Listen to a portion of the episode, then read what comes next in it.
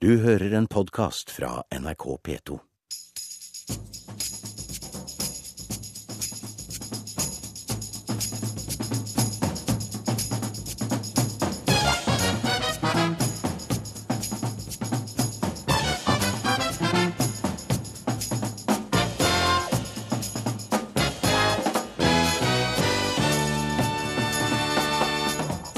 Jeg ville sette fyr på Norge, sier Jarle Aabø om at han kalte Eskil Pedersen for AUF-homse. Veldig tåpelig gjort, mener Anders Giæver.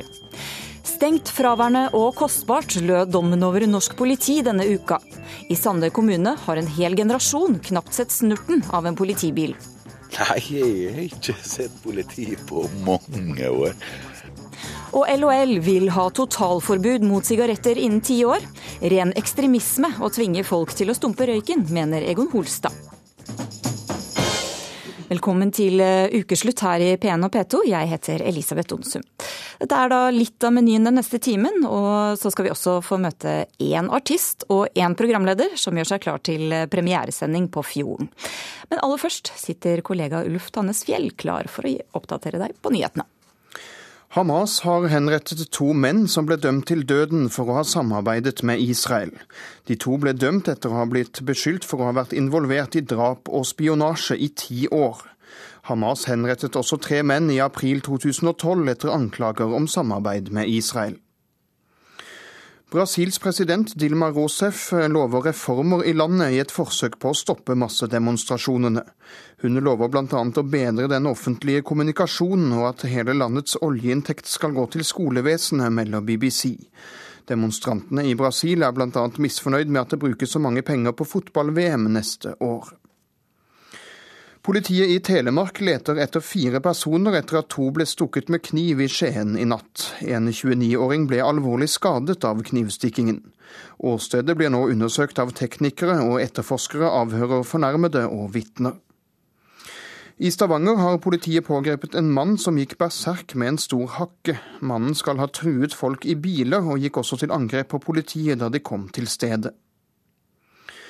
Tre overvåkningsskip fra den kinesiske staten har seilt inn i det omstridte farvannet rundt Senkaku-øyene i Øst-Kina-havet. Det melder den japanske kystvakten. Kina og Japan krangler om eierskap til øyene, og krangelen har vart i 40 år. Og Den tyske Tour de France-vinneren Jan Ulrich innrømmer nå å ha dopet seg. Ulrich vant sykkelrittet i 1997 og ble avslørt som kunde av en dopinglege i 2006. Og nå fortsetter ukeslutt med en av ukas mest kontroversielle uttalelser. Jeg liker dårlig å bli sparket i ballene av en AUF-homse, skrev PR-rådgiver Jarle Aabø på Facebook, med klar adresse til AUF-leder Eskil Pedersen. Kommentaren utløste et skred av en slags verbal kloakk i kommentarfelt og sosiale medier. Og Jarle Aabø, du er PR-rådgiver og tidligere journalist. Og hva er det du ikke liker med å bli sparket i ballene av en AUF-homse? Ja, det var jo et, det var jo et underlig spørsmål. Uh, er det sparket, eller er det at han er homo? Uh, utgangspunktet var at eh, AUF-lederen gikk til et kraftig angrep på Fritt Ord, og mente at Fritt Ord gir et mikrofonstativ til homohatere og rasister. Så ga jeg et intervju til Nettavisen der jeg mente at Eskil Pedersen burde kanskje holde seg for god til å blande seg altfor mye opp i Fritt Ord, og iallfall med den type argumentasjon, og jeg mente vel at han var en skade for demokratiet, siden han truet ytringsfriheten. På min kritikk mot Pedersen så svarer altså Pedersen Aabø eh, tar alltid litt for hardt i. Noen er åpenbart villige til å si hva som helst for å komme på trykk. Det oppfatta jeg som et ballespark, for det er en elendig, tarvelig retorikk når man ønsker å diskutere ytringsfrihet. Okay, men Hva hadde legningen med dette å gjøre? Ingenting. Uh, Hvorfor men, skrev du det? For å sette fyr på Norge. Jeg jobber med PR. Så enkelt er det. Og jeg gjorde det helt kaldt og rolig, og det var ikke noe sånn affekt legge ut. Jeg skrev formuleringen, diskuterte det med to som jeg kjenner, og vi var enige om klin til det i sommer. Du visste det ville bli bråk? Ja, for jeg ville ha oppmerksomhet mot det intervjuet jeg ga til Nettavisen, og ikke minst uh, Pedersens fravær i debatten. Anders Giæver, kommentator i VG. Hvordan reagerte du på Åbøs kommentar? Den syns jeg var tåpelig, eh, og det syns jeg fortsatt at den er. Uh, av de helt åpenbare grunner. Hva har, uh, hva har Eskil Pedersens legning uh, med det å gjøre? Jeg syns også at den var veldig pinglete i forhold til at ja, Eskil Pedersen var sleivete mot deg, og så går du liksom helt ut i grøfta når du tar, når du tar igjen. Så at avsporingen av debatten var liksom på en måte helt gitt, gitt, fra det øyeblikket. Men så var det altså Det spesielle med den er jo ikke egentlig da det Jarle Aabø sa, men det var, var det da hva det da utløser i eh, sosiale medier. Jarle Aabø har åpen eh, Facebook-profil, og da fikk du da dette her skredet av en rent uforfalsket homohat eh, mot Eskil Pedersen, hvor de to hovedinnvendingene er at det ene er at han er homo, og det andre er at han overlevde Utøya. Og det den debatten gikk i en sånn tone at jeg mener at eh, Eskil Pedersen hadde grunn til å bli skremt uh, av den tonen. Og da mener jeg Jarle Aabe har et redaktøransvar for sin egen debattråd, og at det redaktøransvaret tok han ikke. Vi har, vi, vi, vi har invitert eh, Eskil Pedersen, så er det sagt. Han takket nei. Men forutså du det, Jarle Aabe? Nei, altså jeg ble sikkert like skremt som Anders Giæver. fordi eh, nå, jeg, nå, har jeg fulgt med på Eskil Pedersen av naturlige årsaker, for han er jo en sentral norsk politiker. Og han har jo blitt hetsa på VG sine sider mange ganger i kommentarfeltene.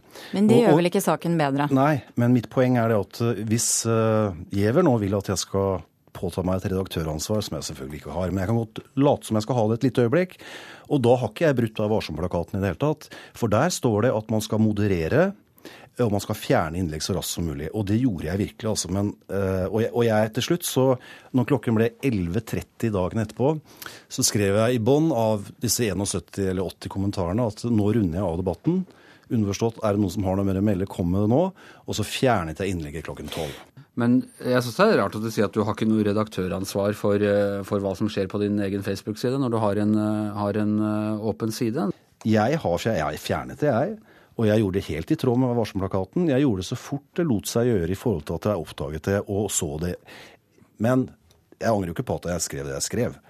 For jeg fikk jo den oppmerksomheten. For du syns fortsatt at det er relevant at han er homofil når eh, du diskuterer ytringsfrihet? Men det er ingenting i det jeg skrev som er relevant eller ikke. Det er bare et faktum. Og han er, han er jo en av Norges mest åpne. Det er ikke et faktum, Jarlobbe, for det er ikke et faktum at han har sparka deg i balla heller. Han sa bare at han syns at du er i overkant PR-kåt. Så det er ikke det samme som å sparke deg i balla. Så det er ikke faktum. Er, du, du, bruker metaforer Du bruker metaforer for å understreke eh, det du vil. Og når du da velger å bruke mot ham som noe negativt at han er homo, så ikke bare er det Eh, nedre av deg, men det åpner også, fordi det er Eskil Pedersen, for en helt egen type hatefull altså, du, Du, har ikke noe definisjonsmakt når det gjelder om jeg bruker det mot, med eller for. Jeg har ikke brukt det mot Eskil Pedersen. Jeg har ikke et, jeg mener at det var positivt i denne sammenhengen at det var positivt nøytralt, å kalle ham homofil? Nøytralt. Men hvis du syns det var så ille, Anders Giæver, hvorfor, har du da, hvorfor har du da sitert hele den posten i VG? Det lurer jeg på, hvis det skulle være så fryktelig gærent. Jeg har ikke sitert hele posten. Det var poenget mitt i, i kommentaren at det kunne ikke siteres. så det er greiene for, jo, det, jeg, det jeg skrev, og som du nå angriper meg for, det siterte du i din egen kommentar. Og... Den ble nå lest opp her i ukeslutt. Eh, Dagbladet har hatt den på trykk. Og da lurer jeg liksom på, hva var det så farlig med det jeg egentlig skrev når pressen gjentar det og gjentar det og gjentar det? Dette undrer seg nesten kommentar. Men eh, det er altså eh, Hvis du skal skildre hva du har sagt, Nei, du, du, tok et ord, du tok det ordrette sitatet. Anders. Jepp, jeg har sagt det flere ganger her også. ikke sant? Jeg, synes, jeg, jeg tror ikke det at, at, man sier setningen i seg selv uh, skaper en uh, farlig situasjon. Jeg bare lurer på, jeg lurer på hvorfor du bruker mot ham hans seksuelle legning når dere i en diskusjon om ytringsfrihet. Jeg bruker ikke det mot ham. Jo, du gjorde det. Derimot så ønsket jeg å skape, skape sånn det Jo, men Det er jo ikke noe rart at det politiske, korrekte Norge oppfatter det slik. Men spørsmålet er hvorfor du gjorde det. Hvorfor, hvorfor For å provosere, slik at jeg skulle få debatt rundt intervjuet jeg hadde i Nettavisen. Så helt nøytralt var det ikke? Det var en provokasjon. Selvfølgelig var det det. For jeg visste jo at enkelte reagerer på ordet homse i seg selv, at det er så forferdelig fælt å bruke. Hva kan konsekvensene av den type netthat bli, Lever? Det verste med dette her, det verste med den typen eh, netthat, er at hvis du klarer å mobbe folk fra så mye at de er, blir redd for å uttale seg, at de blir redd for å inneha politiske posisjoner, at de, at de blir redd for å snakke i offentligheten, samtidig som du skremmer bort folk som kanskje har noe å bidra, bidra, med. Det er helt riktig at vi har masse uh, ting som må modereres på i, i debattene eh, på VG. Og, og, vi ønsker jo alle egentlig en, en ren debatt, og den type netthat eh, hindrer det og begrenser dermed ytringsfriheten i Norge. Men mener du da at Åbe har bidratt til det? Jeg mener at han bidro til det når altså, han spiller og Han legger ballen på målstreken for den type debatt når han, eh, når han går ut på den Men måten. Men det er jo ingen tvil om at jeg fikk jo minst like mye juling som Eskil Pedersen i disse kommentarene. Det er bare, så, det er bare tull. Det er bare tull. Så vi, sånn er livet. Det var ingen som skrev at du hadde bæsj på penis og sånn, var det det? Kan du gjenta det? Bæsj på penis, sto det i uh, har, Er du sikker på at Eskil Pedersen tørket bæsjen av penisen sin før han puttet den i munnen din? Er et av de innleggene som sto hos deg i et halvt døgn. Vil du si noe til det?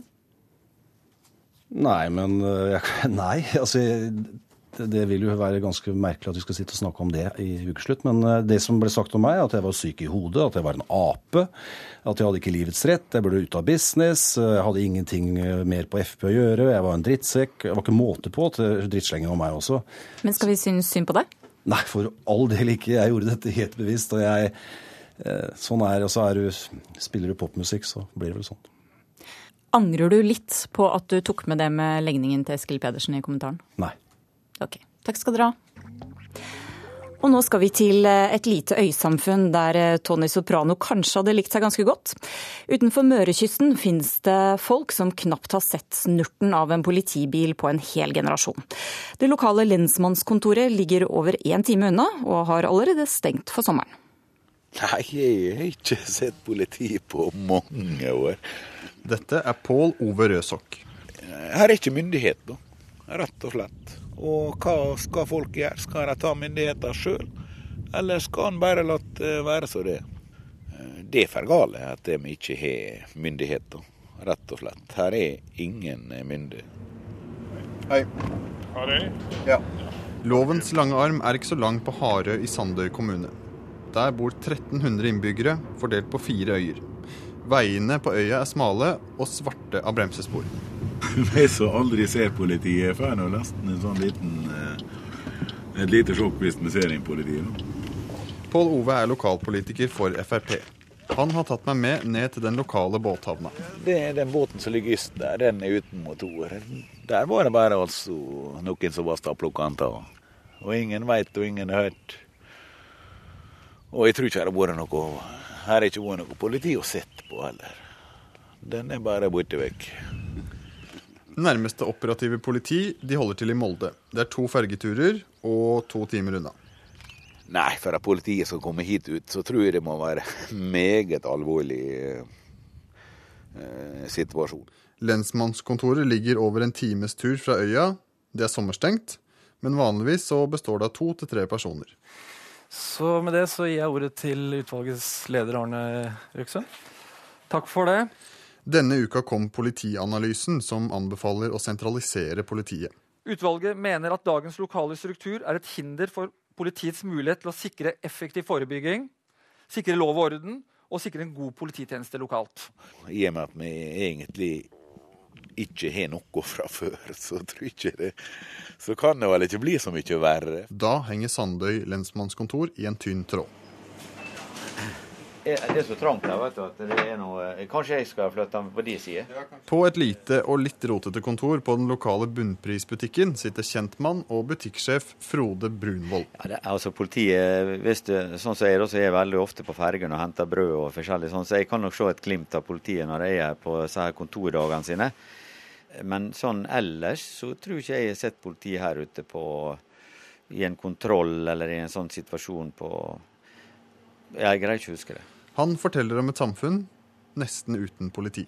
Jeg tror kanskje det er nesten en hel generasjon som har vokst opp eh, her ute, som kanskje ikke har sett en politi. En politibil eller en politi i uniform. Det, det tror jeg nok. Uten at de har hatt eh, vært flaks og kommet på ferga eller et eller annet sånt. Døra inn til varetektscella på lensmannskontoret er brun, med innslag av spindelvev og støv. Så de er ikke utslitt, ser du. Når var det de ble brukt sist, sa du? Jeg liker sikkert ikke når det er snart 20 år siden, tror jeg. Odd Jørgen Nilsen er lensmann, og han skal sørge for tryggheten til innbyggerne i Sandøy. Han er høy og kledd i sommerskjorte. Det var også en kommunepolitiker, tidligere kommunepolitiker som sa at det var en hel, opp, en hel generasjon ute på på, i Sandøy kommune som er vokst opp uten en tilknytning til politiet.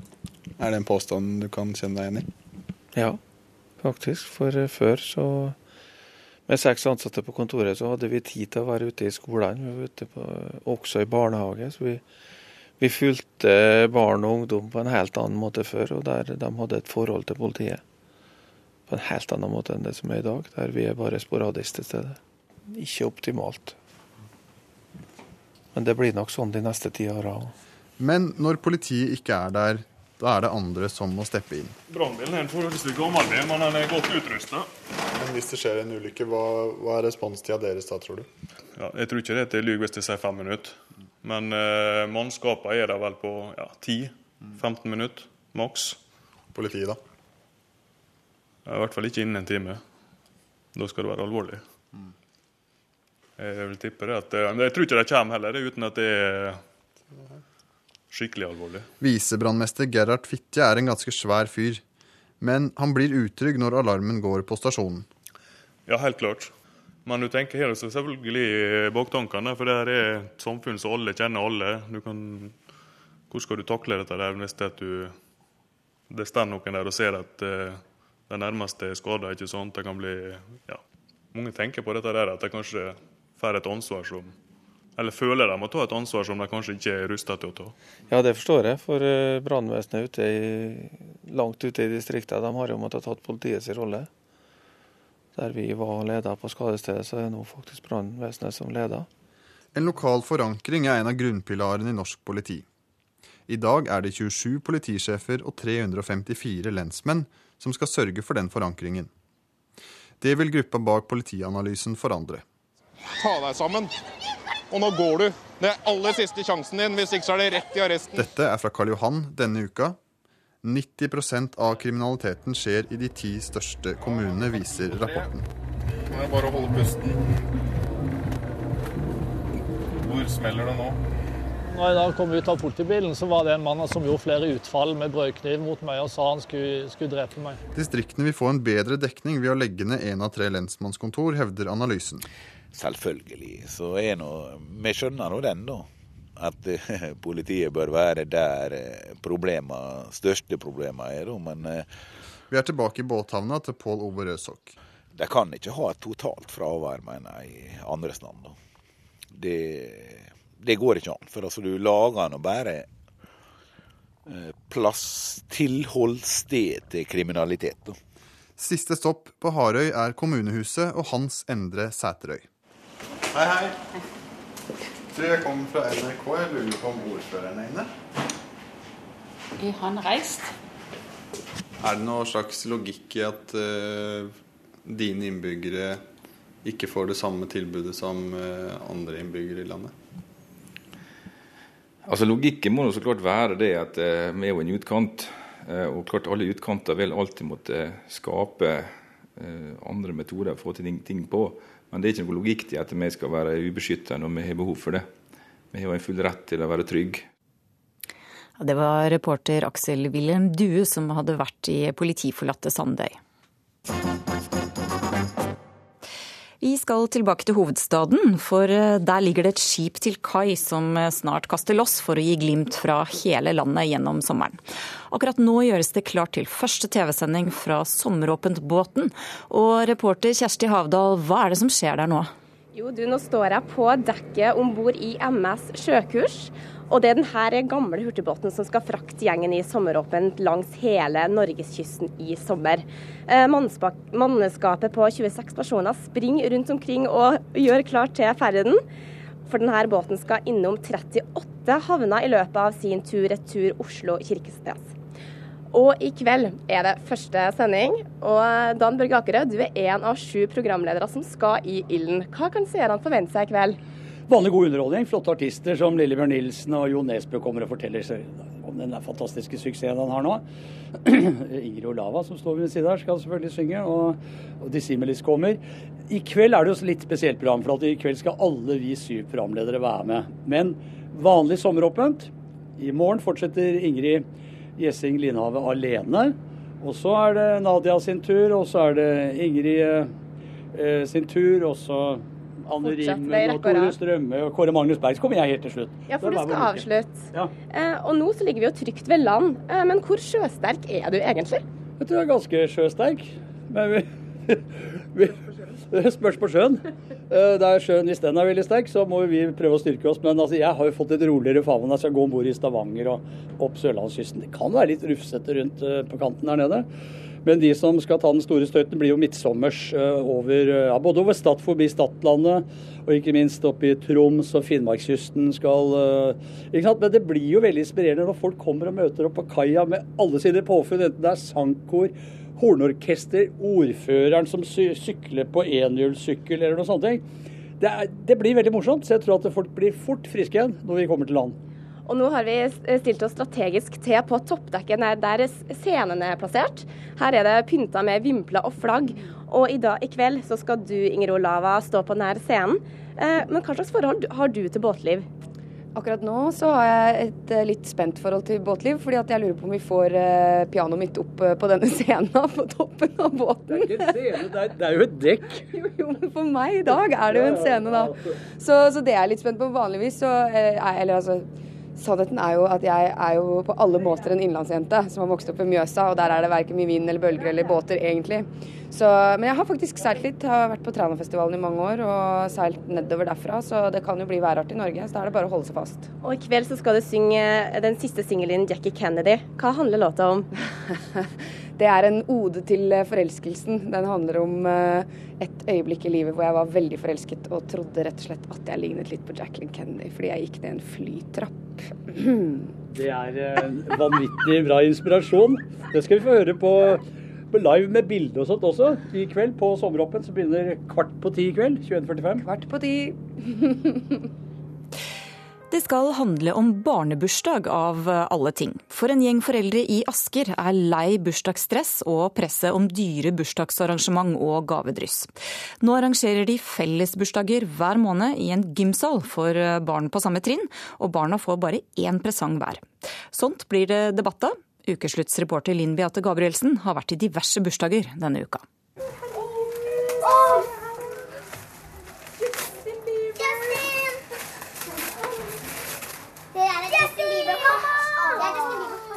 Sofie og Frida feirer åtteårsbursdag på lekelandet Hopp i havet i Oslo.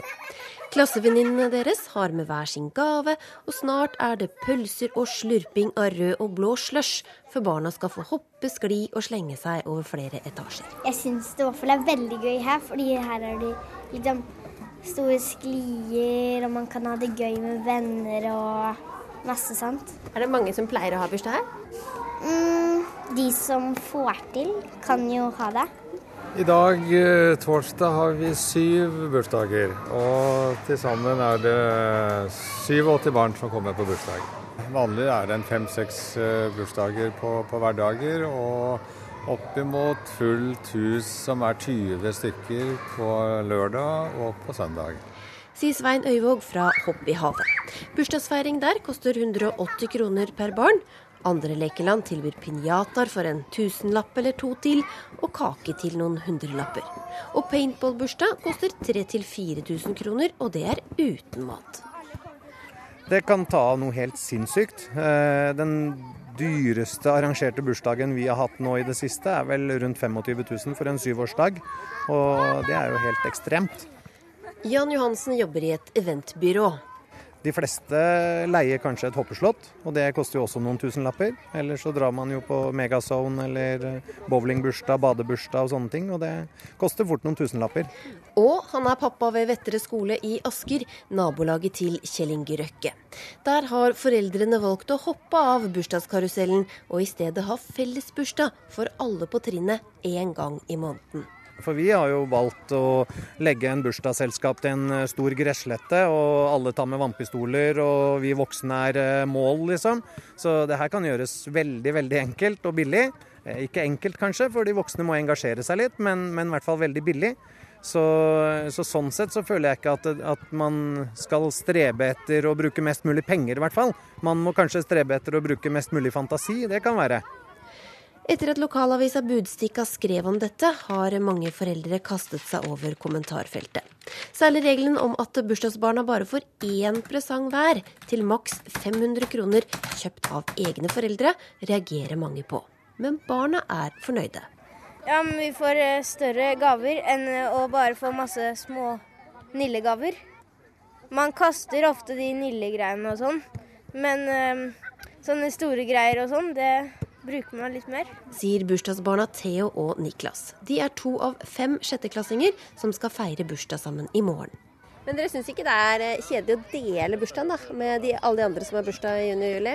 Nei, syns ikke jeg i hvert fall. Nei, det, det går fint, det.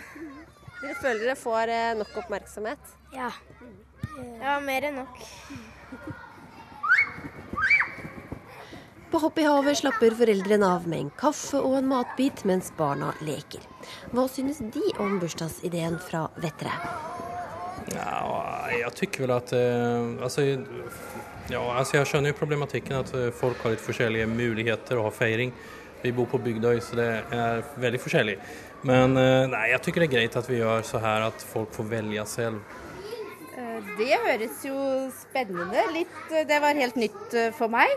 Um, vi syns det var hyggelig at de kunne feire sammen. Det er jo en fin måte å At de kan lære seg å dele på store dager og dele på bursdagsfeiringer. Um, Men Hva syns dere er best bursdag, da? Er det i sånn fellesbursdag? Er det hjemme hos noen? Eller er det på en sånn paintball-sted? Det er egentlig det samme så lenge vi er sammen, syns jeg i hvert fall. Jeg vil helst ha litt sånn uh, morsomme ting, da. Megazone og fotball, beachparty som vi skal ha i morgen, og litt sånn, ja. Du hører på Ukeslutt i NRK P1 og P2. Følg med oss videre og hør at Munch-hysteriet kan sammenlignes med Justin Bieber-fenomenet, mener anerkjent samtidskunstner. Og Ukeslutts reporter ble litt vel lurvete i klesveien for Per Christian Foss. Men først til et lite liberalt forslag fra Landsforeningen for hjerte- og lungesyke. Organisasjonen vil nemlig totalforby røyking i Norge innen ti år. Det kan altså bli slutt på festivalrøyking og røyking mens du venter på bussen. Nei, det syns jeg ikke er noe særlig. Hvorfor ikke det? Det er fordi jeg syns at hvis folk har lyst på å ta seg en sigarett, så må de da for guds skyld få lov til det. Jeg syns det er restriktivt nok som det er. De vil helst at du ikke skal røyke overfor, foran barn, f.eks. Mm, nei, det, jeg skjønner jo veldig godt det, men folk må tenke litt selv. Ja, altså, altså at man skal, Hvordan skal man overholde det? Skal man gå hjem og ringe på oss folk og spørre om det røykes her? Jeg syns jo ikke det gjør noe at folk sitter utenfor og røyker, må jeg ærlig innrømme. Hun sitter jo og puster meg i trynet, hun her, men det er jo nok luft å ta av. Jeg kan jo liksom puste fra andre siden. Jo, jeg er enig. Er du enig? Ja, jeg er det egentlig. For da hadde jeg ikke kunnet røykt noe. du, du trenger dette forbudet for å slutte å røyke, eller hvordan er det? Ja, kanskje. Det er ikke lov å røyke nå. Nå. Nå. Noe sted. Frode Jaren, du er generalsekretær i LHL.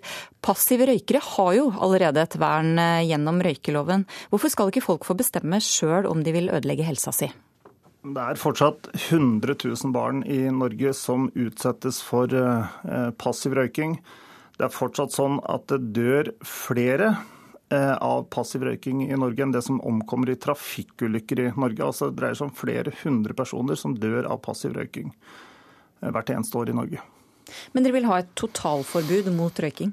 Altså, så selv om du står ute ved et fisketjern og tar deg en røyk, så skal det være forbudt? Nei, vet du hva. Det som er forslaget vårt, er at litt fram i tid så skal vi ha et forbud mot salg og omsetning av uh, tobakk. Det er det som er forslaget vårt. Fram til den tida så skal vi innføre, eller ønsker vi da, at det skal innføres enda strengere begrensninger, men om du da står ute ved et fisketjern i den perioden, så skal du få lov til å røyke. Men man skal ikke få lov til å ta med seg taxfree-røyk f.eks. inn i landet? Nei, altså vi, eh, hvis vi får det som vi vil fram i tida, så vil vi ha et eh, omsetnings- og innførselsforbud. Så da skal det ikke være mulig å få kjøpt tobakk, mener vi. Egon Olstad, du er journalist og kommentator i avisa Nordlys. Du er ikke særlig begeistra for dette forslaget. Hvorfor ikke det? Nei, Det går jo på det at uh, hele denne, uh, hele denne prosessen mot å få ned antall røykere i Norge har gått så langt at du kan omtrent si hva du vil uten å bli oppfatta som, som, ekstremist.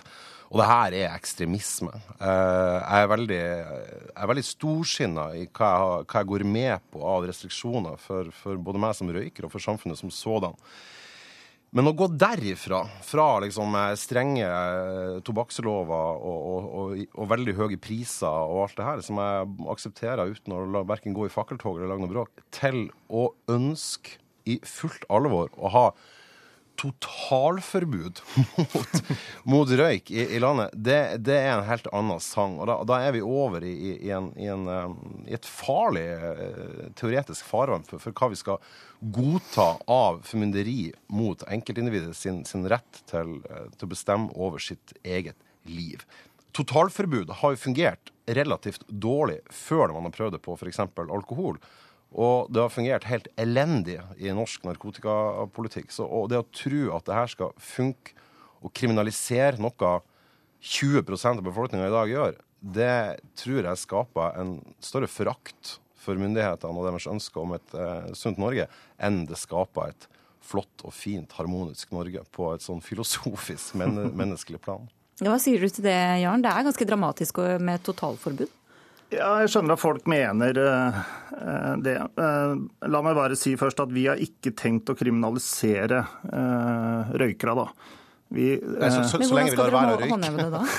nei, nei, men altså, vi har ikke tenkt å kriminalisere røykere. Vi har tenkt å forby omsetning av tobakk. Problemet ditt er at du er jo helt på luggeføre rent sånn retorisk her. På grunn av at du sier at det er helt i orden at det finnes røykere, så lenge de lar være å røyke. Det er som å høre Kjell Magne Bondevik da han var for homofili, bare folk ikke var homo i praksis. Det er nøyaktig det samme som å være 100% intolerant for andre sine frie valg. Og det der er dette av her, for du ønsker et totalforbud. Det er så ekstremistisk. Nei, men, uh, Kjære vene, ser du ikke galskapen i det her? Vet du hva? Når det gjelder forebyggende helsearbeid, så er det mange områder hvor vi har eh, forbud og påbud. Altså, for en del år tilbake så blei det påbudt å kjøre med eh, bilbelte. Det var det ikke før.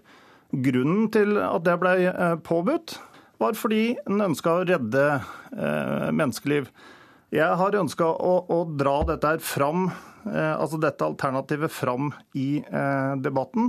Fordi jeg mener en ting som er så farlig, og et, og et produkt da, som har som eh, altså, Hvis produktet brukes eh, etter intensjonen, så har det som sin eneste virkning at det forårsaker sykdom og død. Og det skiller altså tobakken veldig sterkt fra de aller, aller fleste andre ting i samfunnet.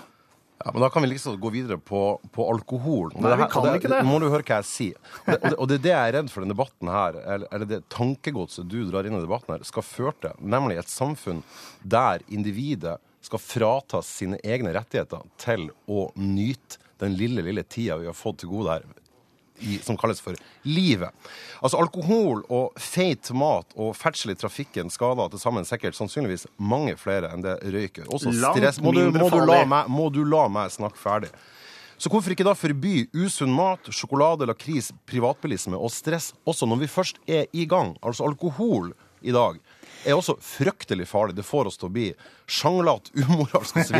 Men, men, men vi godtar at det er der, nemlig for at hvert enkelt individ selv må få lov å bestemme noen få ting her i livet. Det er men, der du, du tramper inn i privatsfæren min, og det misliker jeg. Men Egon Holstad, det er altså sånn at rundt 370 000 mennesker i Norge har kols, f.eks. Er ikke det et tegn på at vi kanskje trenger litt tvang? At vi ikke helt eh, skjønner vårt eget beste alltid? Vi har jo innført veldig mye restriksjoner på, på røyking. og jeg, som sagt, jeg har godtatt det aller meste av det. Eh, og Så lenge intensjonen er å skåne de som er passive røykere, altså å skåne de som ikke velger å røyke sjøl, så er jeg langt på vei enig i alle de tiltakene som, som er satt i sving av, av myndighetene. Men å gå derifra Altså det, Han bruker privatbilismen som, som, et, som et forslag her, eh, som et, som et eksempel av Frode Jarn. Han sier at eh, bilbeltepåbudet kom, og det har berga mange menneskeliv. Men skal vi følge hans tankegang, så skal vi forby ferdsel i bil om ti år. nei, det er nøyaktig like dumt som det du sier. Ja, jeg prater om, om tobakk, du prater om fett og sukker. Eh, ja, ikke det er usunt? og- og Tar bil- ikke det livet av masse folk? Nei, men vet du hva? Eh, Forskjellen eh, til tobakk er at eh, alkohol i moderate mengder kan faktisk være eh, sunt. Sukker og fett eh, er eh, nødvendigvis eh, eh, ikke farlig. Alle disse tinga du nevner, skiller seg veldig sterkt fra tobakk.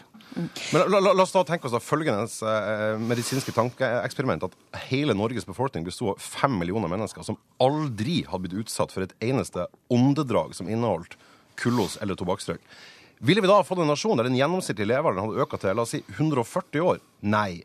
De fleste av oss ville ha dødd også før vi ble 100. Frode Jarn inklusiv. Beklager å si det. Vi ville dødd av, vi død av hjertefeil, kreft, blødninger og ulykker i trafikken. De aller fleste av oss svært uønska og lite frivillige. Men vi ville ha dødd åkke som, for at vi mennesker har dessverre en lei tendens til å dø på et eller annet tidspunkt. Noe kommer vi til å dø av. Det har du helt rett i, altså. Frode Jarn, har Ja. du tro på at du kommer til å oppnå dette innen ti år? Ja, Vi oppnår det innen eh, ti år. Vi skal jobbe hardt for å få til eh, dette her. Dette her er da ikke et forslag som er moralsk begrunna. For oss er dette her et politisk svar på et stort folkehelseproblem. Egon Holstad, hvordan blir det å leve i Norge hvis det blir røykfritt? Jeg tror ikke vi kommer dit, og jeg håper ikke vi kommer dit. Jeg tenker at Norske helsemyndigheter og Frode Jarn og co. Eh, de må snart begynne å dra hodet sitt opp av havresekken og joggedagbøkene sine og innse at det faktisk finnes folk blant oss som faktisk liker å ha det godt og nyte livet, og samtidig innse at vi alle kommer til å dø. Så la oss nå heller ha det litt gøy før vi alle da ligger six feet under. Ok, Takk skal dere ha. Og Egon Holstad, siden eh, du har grei peiling på musikk, så har du fått lov til å komme med et eh, musikkønske. Ja, Hva er det vi skal ble høre? Da ble jeg så glad, for da har jeg plukka ut et uh, veldig undervurdert engelsk band som i 1967 ga ut en helt fantastisk plate som heter It's Smoke Time. Og bandet heter Smoke, og låten heter My Friend Jack. Men den kan vi da overføre og kalle for My Friend Frode Jarn, for jeg ønsker deg også all god nytelse her i livet. Jeg er motsatt deg, ikke ond. Tusen, tusen takk, Egon. Vær så god.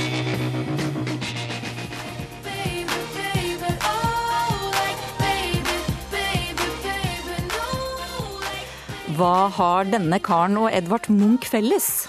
Ja, Det får vi kanskje snart eh, svar på fra en av landets mest anerkjente kunstnere, som denne uka mente at Munch er hypa, og at eh, Munch-hysteriet er rene Justin Bieber-fenomenet.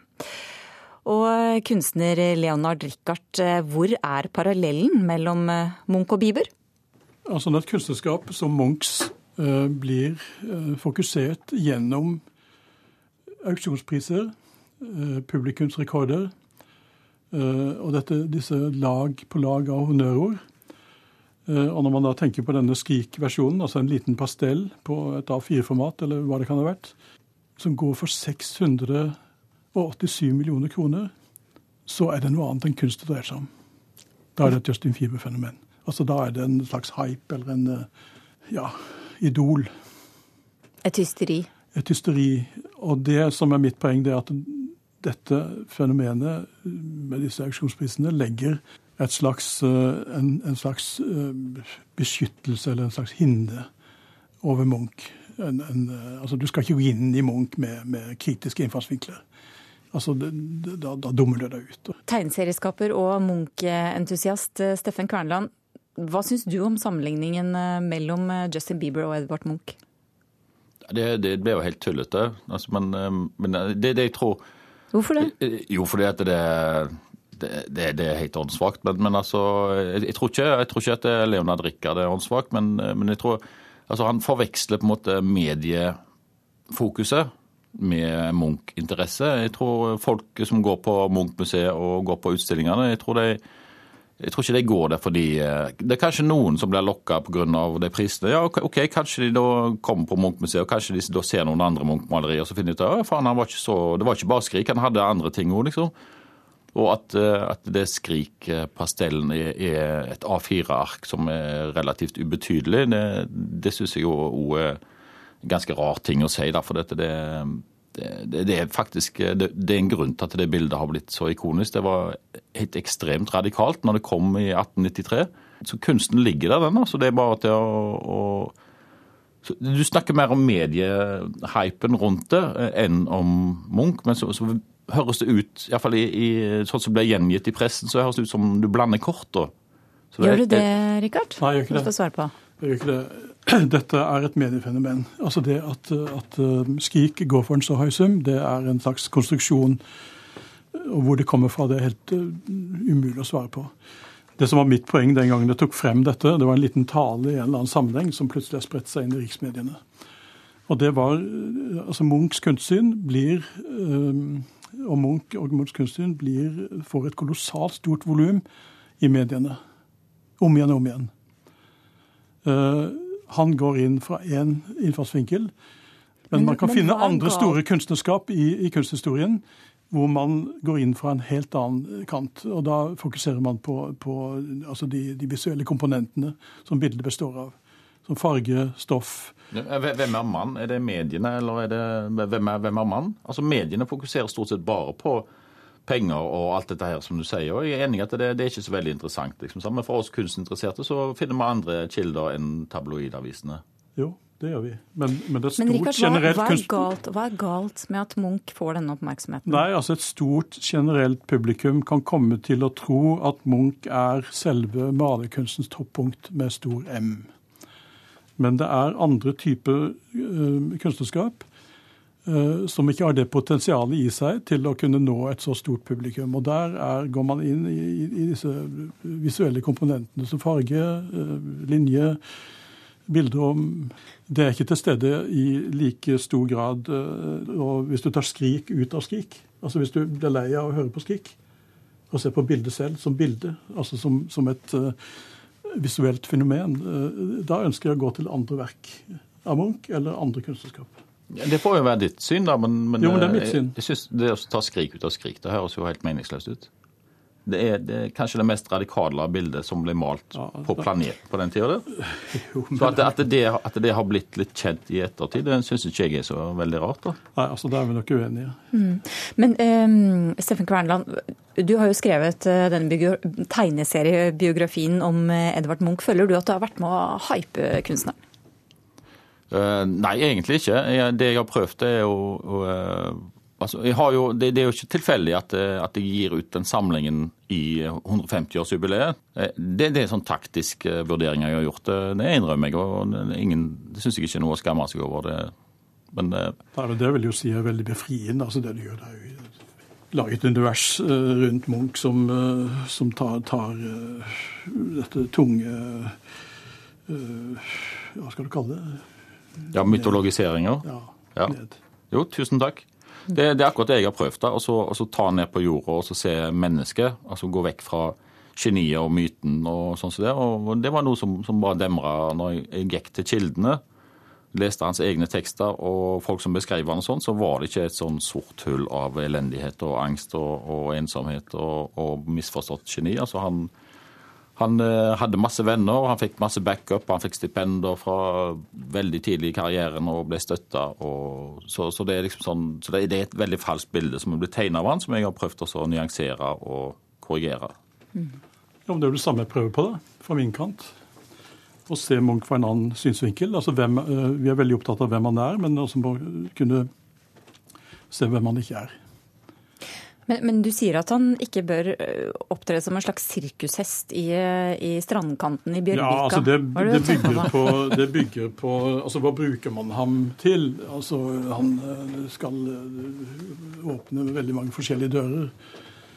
Og når Buchardt i sin tid skulle, i en eller annen debatt skulle fortelle oss at en, en god idé var å legge Munch-museet på vippetank, slik at at cruisebåtturistene kunne velte rett inn, så, så, har man jo misforstått fullstendig. Altså, det er jo allikevel et, et uh, altså, Han hadde sin, tross alt sin livskamp og sin kunstkamp, og, og han lagde syk pike og hadde sine tunge erfaringer gjennom livet. Så, så det, det, har sikkert mange av turister nå, så det kan være at de vil kjenne seg igjen i det bildet. Og at, at kanskje de har godt av å bli lempa inn der, og at kanskje de vil falle for det. Iallfall noen av dem. Altså det der Kunst er en entall, og det har noe med stillhet og konsentrasjon å gjøre.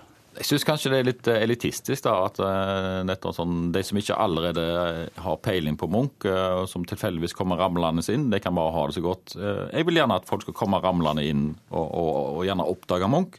Så vil kanskje ni av ti synes at det var gørrkjedelig, og så vil kanskje én oppdage Få et, et, stort kick ut av Munch og, og få en ny favoritt for livet.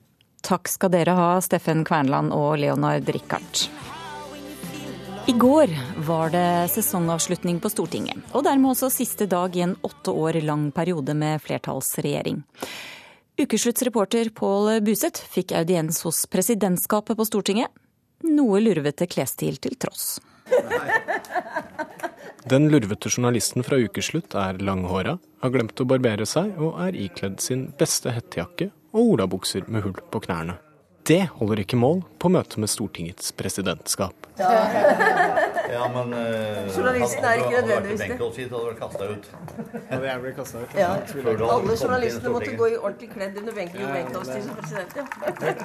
Det er mer løssluppent nå enn på Benkows tid, men det som er av slurv, blir slått hardt ned på av bl.a. tredje visepresident Marit Nybakk møtet er satt, eller stortingsmøtet er lovlig satt, sier vi, og så banker vi en gang. Hvis det derimot skjer noe uforutsett Hvis jeg sier 'dette er bare tøv' Eller uh, representanten uh, Christensen er en drittsekk, ja. da gjør jeg et sånt. Okay. og hvis noen går over tida, så begynner vi forsiktig, og så er det Så er tiltakene. ja. okay. Møteledelsesverktøyet er det altså ingenting å si på, men andre visepresident Per Christian Foss bekrefter at det har vært noen stille år på tinget. Underholdningsinnslaget har nok vært gjenfordelt over årene, men det er klart at Stortinget er mer sentralt i perioder hvor det har en mindretallsregjering. For da må en regjering søke støtte i Stortinget. Da er beslutningene i komiteene mer uvisse. Og det skaper selvfølgelig en større interesse. Hei. Hei. Pål. Kjetil. En som er plettfritt kledd, er politisk kommentator i Dagens Næringsliv, Kjetil B. Alstaheim. En mann som har tilbrakt mang en dag på Stortinget.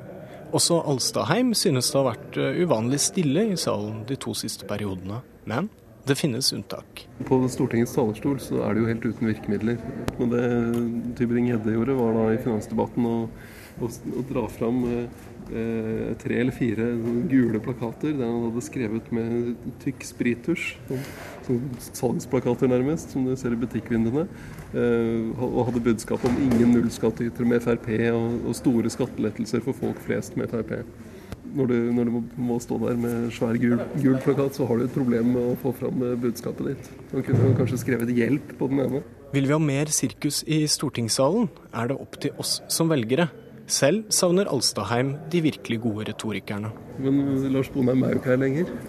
Det hadde vært litt flere retoriske høydepunkt å velge blant hvis han fortsatt satt her. Reporter var Pål Buseth. Ukeslutt er slutt. Ansvarlig for sendingen Kari Li, teknisk ansvarlig Eli Kyrkjebø, skript var Oda Holm Gulbrandsen. Jeg heter Elisabeth Onsum.